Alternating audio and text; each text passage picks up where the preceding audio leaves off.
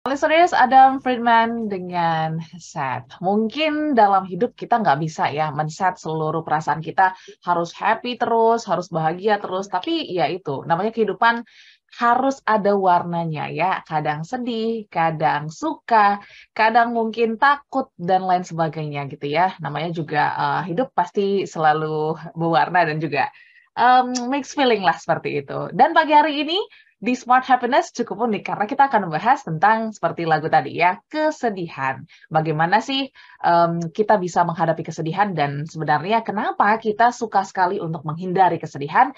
Hari ini kita akan membahas ya, smart listeners, dalam Jumat pagi. Seperti biasa ada Audrey Joana dan sudah hadir Pak Arfan Pradiansyah pagi hari ini. Pagi Pak Arfan.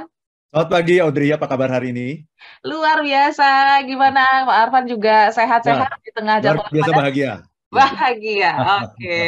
Pak Arman, menarik nih lagu pagi hari ini berjudul Sad, tapi nadanya happy banget gitu. Ya. Oh iya, Kak, kan agak berbanding terbalik kalau misalnya kita ya. lagi sedih, lagi galau, gundah. Biasanya tuh pengen denger lagu-lagu yang melo gitu ya, di tengah rintik-rintik hujan. Pokoknya kita pengen ya suasana juga mendukung kesedihan kita. Kenapa pagi hari ini mengangkat lagu Adam Friedman dengan Sad? Silakan Pak Arman. Terima kasih banyak Audrey ya. Jadi lagu ini unik ya. Aha. Eh, lagunya judulnya sedih ya sad tapi ya. nadanya gembira gitu ya. ini uh, tentang orang uh, yang sudah tercerahkan nih. Oh, oke. Okay. Jadi kalau kita sudah tercerahkan kita bisa menghadapi hari-hari yang suram itu dengan cara yang berbeda gitu Audrey ya. Jadi ini dari Adam Friedman, lagu ini bercerita tentang seorang laki-laki yang sedang merasa tidak baik-baik saja gitu. Uh -huh. Ya, dia sedih karena dia merasa bahwa dunia itu tidak berpihak kepada dirinya. Tapi dia ingat pesan ibunya. Ya, ibunya bilang, "It's okay to sad sometimes." Oke. Okay. Ya, bolehlah sekali-sekali kamu bersedih. Ya, dia bilang begitu. Jadi, mari kita lihat uh, kalimat-kalimatnya ya, ya yeah. sangat bagus ya. Sometimes I'm standing right here, but nobody see me. Terkadang aku berdiri di sini, tapi tidak ada yang melihatku. Nah, itu kan yang membuat dia merasa sedih tuh kan. Uh mm-hmm. -huh. Ya, like a little boy in the middle of the sea. Seperti anak kecil di tengah lautan. Ya. Why did the blue sky turn its back on me? Mengapa langit biru tidak mau melihatku? Oh, dia menggunakan kiasan oh, itu ya. Okay. Langit aja nggak mau melihat dia gitu. Jadi langit itu kata dia memunggungi dia gitu. Ya. What are we missing? Apa yang kita lewatkan? Hard it hit me. Ya keras itu memukulku. Kemudian dia, dia bilang gini, suddenly I'm feeling all kinds of feelings. Tiba-tiba aku merasakan segala macam perasaan. Mama said, she said it's all right to feel them. Mama berkata, dia bilang tidak apa-apa untuk merasakan hal itu semua. Yes. When you got tears streaming down, that's when you feel the release. Ya, uh, ketika kau meneteskan air mata, saat itulah engkau merasakan hal yang paling nyata. Oke. Okay. The realest, ya gitu ya, yang paling nyata. Jadi ketika meneteskan air mata tuh baru terasa ini loh yang paling real nih, paling nyata. Nih. Whether it is good or it's bad, it's okay to be sad. Apakah itu baik atau buruk, tidak apa-apa untuk bersedih. Ya, sometimes ya kadang-kadang it's okay to be sad, it's okay to be sad. Tidak hmm. apa-apa untuk bersedih. Itu dari Adam Friedman. Oke, ini cukup unik ya Pak Arfan ya. Kalau di lagu ini kan dikatakan bahwa mamanya bilang uh, it's okay to be sad seperti itu ya. ya. Boleh gitu kita merasakan banyak perasaan gitu ya, termasuk uh, sad ataupun kesedihan. Tetapi kalau kita lihat culture-nya mungkin di Indonesia gitu ya, dan ya. juga Audrey merasakan waktu kecil kalau kita nangis sedikit, kita lagi sedih sedikit, mama bilang, eh jangan nangis, nggak boleh nangis, ayo. Terus dikasih mainan supaya kita teralihkan gitu Pak Arfan ya. Betul. Ini apakah um, menjadi salah satu indikator juga ataupun trigger juga kita sebagai uh, manusia gitu ya, jadi apa menolak untuk sedih ataupun menolak perasaan sedih tersebut karena mungkin mindsetnya masih negatif kah atau seperti apa Pak Arfan? Iya, sedih itu sesungguhnya kan adalah sebuah uh, cara hmm alam gitu ya okay. untuk membuat kita itu uh, grounding artinya bisa napak gitu ya yeah. karena yang namanya manusia itu dalam hidup ini selalu ada happiness ada sadness dan itu sesuatu yang tidak terelakkan gitu selalu kita ada kebahagiaan ada juga kesedihan Nah, ketika kita kehilangan sesuatu, orang yang kita cintai, barang kesayangan, hmm. tidak mencapai apa yang kita inginkan, kan itu kita menjadi sedih kan. Nah, sedih itu sesungguhnya adalah sebuah cara uh, yang diciptakan oleh Tuhan untuk membuat kita normal kembali gitu. Ya. Jadi dengan cara, jadi menangis is okay ya, menangis, berduka itu sesuatu yang wajar bahkan sehat gitu. Okay. Karena hanya dengan cara itulah kita bisa bisa grounded gitu, bisa apa istilahnya bisa napak lagi gitu. Ya kan ketika kita kehilangan sesuatu kita rasanya kan kayak mengawang-awang di angkasa gitu ya. Ya nggak napak gitu, nggak stabil gitu. Tapi kita bisa grounded lagi, bisa napak lagi ketika kita sudah menyalurkan, mengekspresikan perasaan kita itu dengan menangis, dengan uh, apa bersedih gitu ya, berduka, itu sebetulnya sebuah cara yang sehat gitu. Karena tanpa melalui proses itu kita tidak bisa kembali ya. kepada happiness itu. Hmm. Itu Audrey. Jadi sadness itu sesungguhnya adalah sebuah cara hmm. yang diciptakan oleh alam, diciptakan oleh Tuhan untuk bisa mengembalikan diri kita ya dalam sebuah pergulatan gitu menghadapi sebuah kondisi yang menantang ya. kembali ke kondisi yang stabil yang namanya happiness. Oke, ini uh, apa ya cara yang menarik gitu ya, yang mungkin ya. uh, kita nggak lihat ataupun kita tutup mata dengan dengan proses kesedihan itu ya Pak Arfan. Nanti Jadi kita itu sehat. Ah, Jadi itu sehat. Ya. Yes, itu sebuah apa ya perasaan yang sehat terlebih mungkin Anda mengekspresikannya dengan menangis atau mungkin cerita dengan kerabat Anda, tapi sebenarnya ya. gimana gitu ya um, cara kita untuk bisa mengelola kesedihan karena kadang kesedihan ini juga berdampak buruk juga untuk produktivitas, untuk relasi kita gitu ya kalau tidak dikelola dengan baik. Atau mungkin kita juga harus menganggapnya seperti lagu tadi, walaupun sedih tapi harus tetap happy. Nah, nanti kita akan nah, setelah yang satu ini setelah Anda mengikuti talk show ini mudah-mudahan bisa begitu. Bisa begitu. Oke, okay. kita break dulu ya. Tercerahkan gitu ya. Yes, harus tercerahkan pagi hari ini. Kita harus belajar banyak ya. Kita akan break sejenak um, Pak Arfa dan juga small listeners. Jadi untuk Anda yang ingin sharing juga perasaannya gimana sih ketika menghadapi kesedihan, silahkan ya. Boleh sharing di 0812 11 12 959 atau di live chat YouTube kami di Radio Smart FM. Kita jeda sesaat. Listeners dalam Smart Happiness pagi-pagi gitu ya uh, kita membahas tentang kesedihan. Semoga tidak men-trigger Anda untuk sedih, tapi justru harus happy dan bisa mengatasi ataupun mengelola kesedihan. Seperti yang Pak Arfan katakan, bahwa goalnya semoga walaupun kita lagi sedih, kita juga bisa tetap um, apa ya menemukan happiness masing-masing seperti itu. Nah, Pak Arfan balik lagi ke tentang uh, kesedihan ya. Tadi kan Audrey sebutkan bahwa mengelola kesedihan ini penting gitu ya, karena Eh, dalam beraktivitas sehari-hari, kalau kita terlarut dalam kesedihan, rasanya akan berdampak sama aktivitas kita sehari-hari. Yeah. Sebenarnya uh, haruskah ini dikelola atau mungkin harus dilepaskan, dirilis gitu? Sebenarnya gimana nih konsep kesedihan ini kita harus um, apa ya melewatinya, Pak Arfan? Terima kasih banyak Audrey ya. Pertanyaan yang sangat mendasar sesungguhnya adalah uh, dapatkah kita menghindari kesedihan? Oke. Okay itu ya, ya. bisa nggak sih kita menghindari kesedihan gitu uh -huh. nah kesedihan itu sendiri ada dua sesungguhnya ya. ya ada dua macam pertama adalah kesedihan yang disebabkan karena cara berpikir kita uh -huh.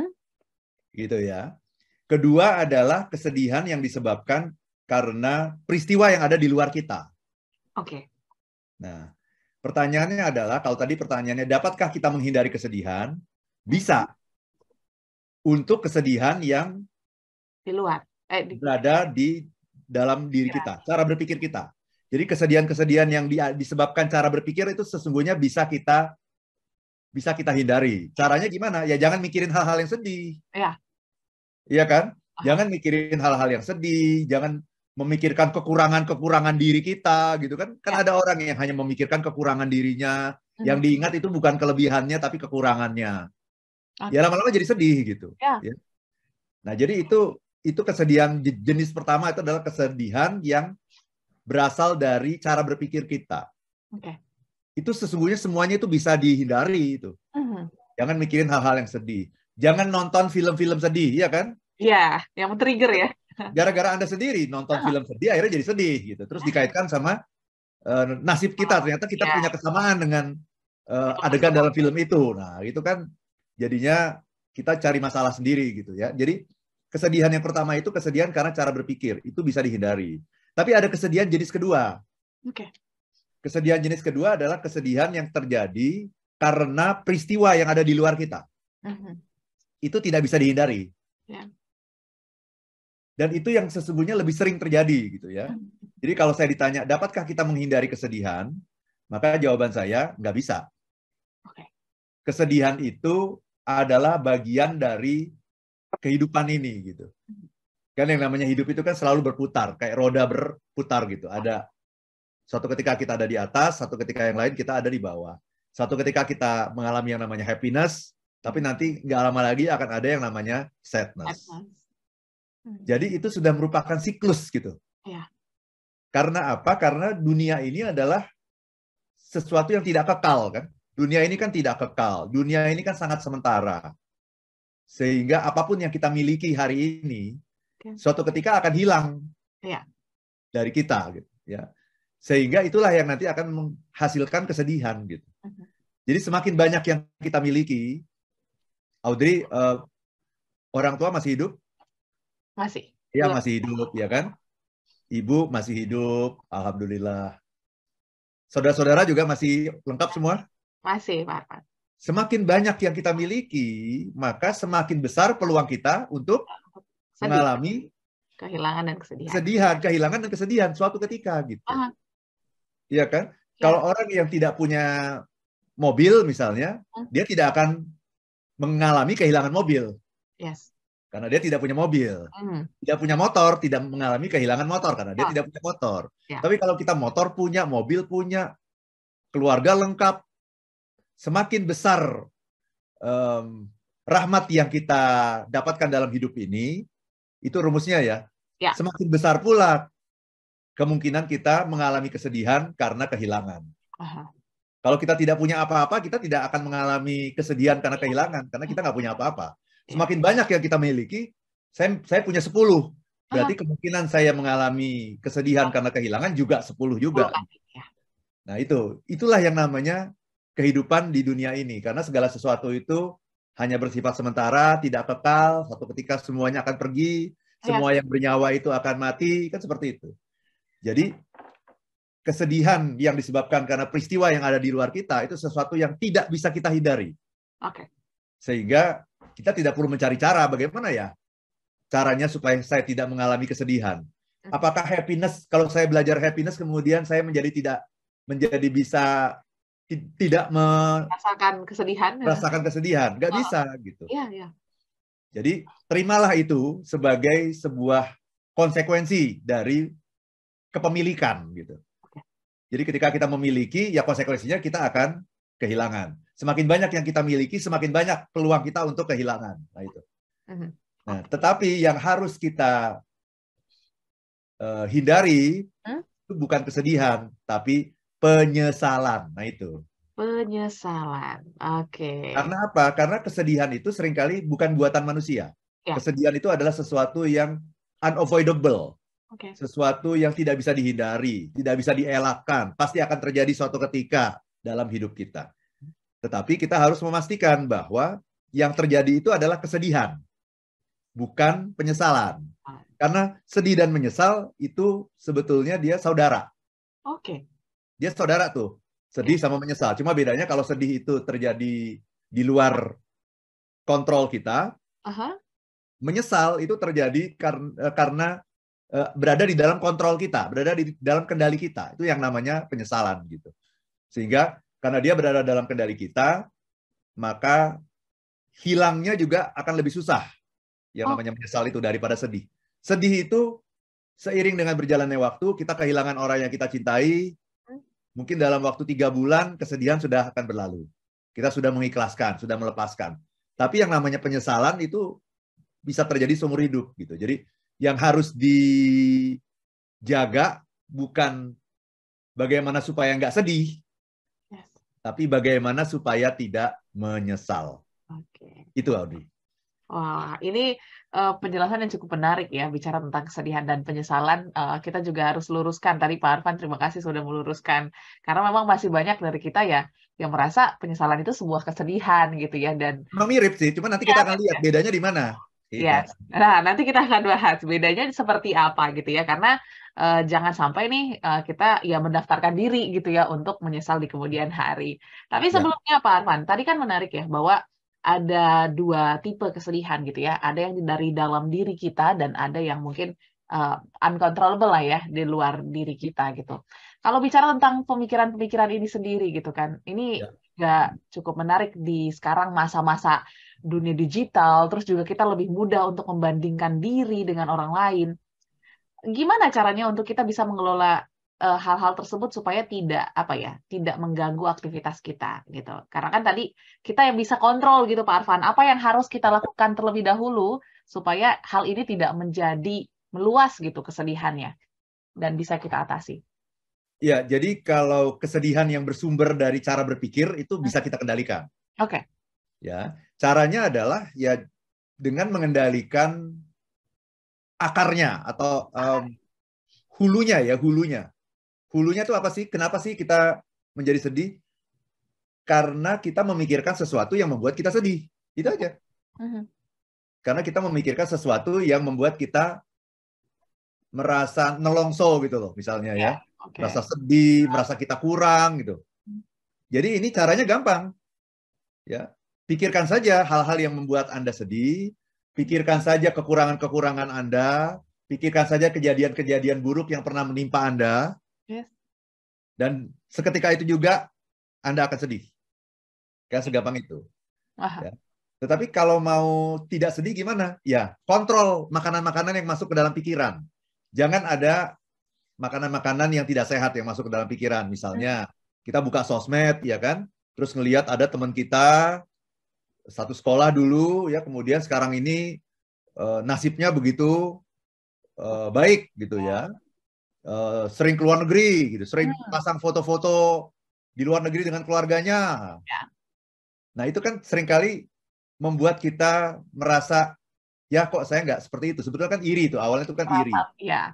iri kemudian menjadi sedih gitu Aha. jadi ya kalau anda tidak tahan melihat foto-foto semacam itu ya jangan buka sosmed gitu. Nah, buka membuka sosmed itu kan sesuatu yang ada dalam kontrol kita. Kita ya. bisa mengendalikan itu. Apakah kita mau lihat sosmed, mau lihat Instagram atau mau lihat uh, Facebook atau TikTok atau apa pun gitu. Kita bisa kontrol. Kalau ternyata sering kalau saya buka sosmed kok saya jadi sedih ya karena hmm. memikirkan nasib saya yang tidak seberuntung mereka gitu. Oke. Okay. Ya, jangan buka-buka sosmed kalau seperti itu. Kalau Anda yakin Anda bisa mengelola pikiran Anda gitu. Jadi kalau ngelihat gitu justru jadi lebih semangat kan. Oh, ternyata dia dia dulu satu sekolah sama saya, sekarang dia nasibnya jauh di atas saya. Berarti saya juga bisa dong kalau saya bekerja keras, berusaha dengan segiat-giatnya, melakukan yang maksimal, saya bisa dong kayak dia. Ya. Nah, itu kan juga jadi bagus juga kan kita ya. kita ngelihat sosmed, uh -huh. tapi itu membuat kita termotivasi gitu untuk bisa mengejar ketertinggalan kita. Nah, itu bagus kalau seperti itu. Tapi kalau hanya untuk menghasilkan kesedihan, kemudian meratap gitu ya, uh, nelongso gitu ya, itu ya. ya sebaiknya kita jangan mengkonsumsi uh, sosmed kalau seperti itu caranya. Okay. Gampang tuh kalau yang seperti itu yes. tuh bisa bisa kita kendalikan gitu karena sumbernya kita tahu itu pikiran kita. Aha. Yang sulit bahkan tidak bisa dikendalikan, tidak bisa dihindari ya. adalah itu peristiwa-peristiwa yang terjadi di luar diri kita yang sooner or later itu pasti terjadi. Yes. Karena semua yang kita miliki suatu ketika akan hilang dari dari diri kita gitu. Mhm. Nah, itu yang menjadi mustahil untuk bisa kita kelola gitu. Mm-hmm. Okay. Dan itu adalah sebuah bagian dari dari kehidupan. kehidupan. Hidup ya happiness, kemudian sadness, happiness, sadness. Jadi kalau Anda mau hidup, Aha. Anda sudah harus siap untuk menerima yang seperti itu. Okay. Kayak kayak gitu itu. Yes. Bagaimana mempersiapkan dirinya nanti kita akan bahas setelah yang satu ini ya Pak Arfan ya. Begitu juga pembeda dari penyesalan dan juga kesedihan jangan sampai ada salah mengartikan sehingga um, sulit untuk menemukan solusi ataupun mengatasinya ya. Kita akan kembali setelah satu ini, tapi pastikan Anda bergabung di WA kami di 0812 11 12 959 ataupun di live chat uh, YouTube kami. Anda boleh sharing mungkin uh, kesedihan karena katanya kalau kita berbagi kesedihan akan merilis sedikit uh, perasaan kita gitu ya, akan lebih tenang gitu. Jadi pastikan Anda bergabung pagi hari ini, Small Listeners, masih dua sesi dan juga uh, pastinya kami akan jeda saat tetaplah bersama kami.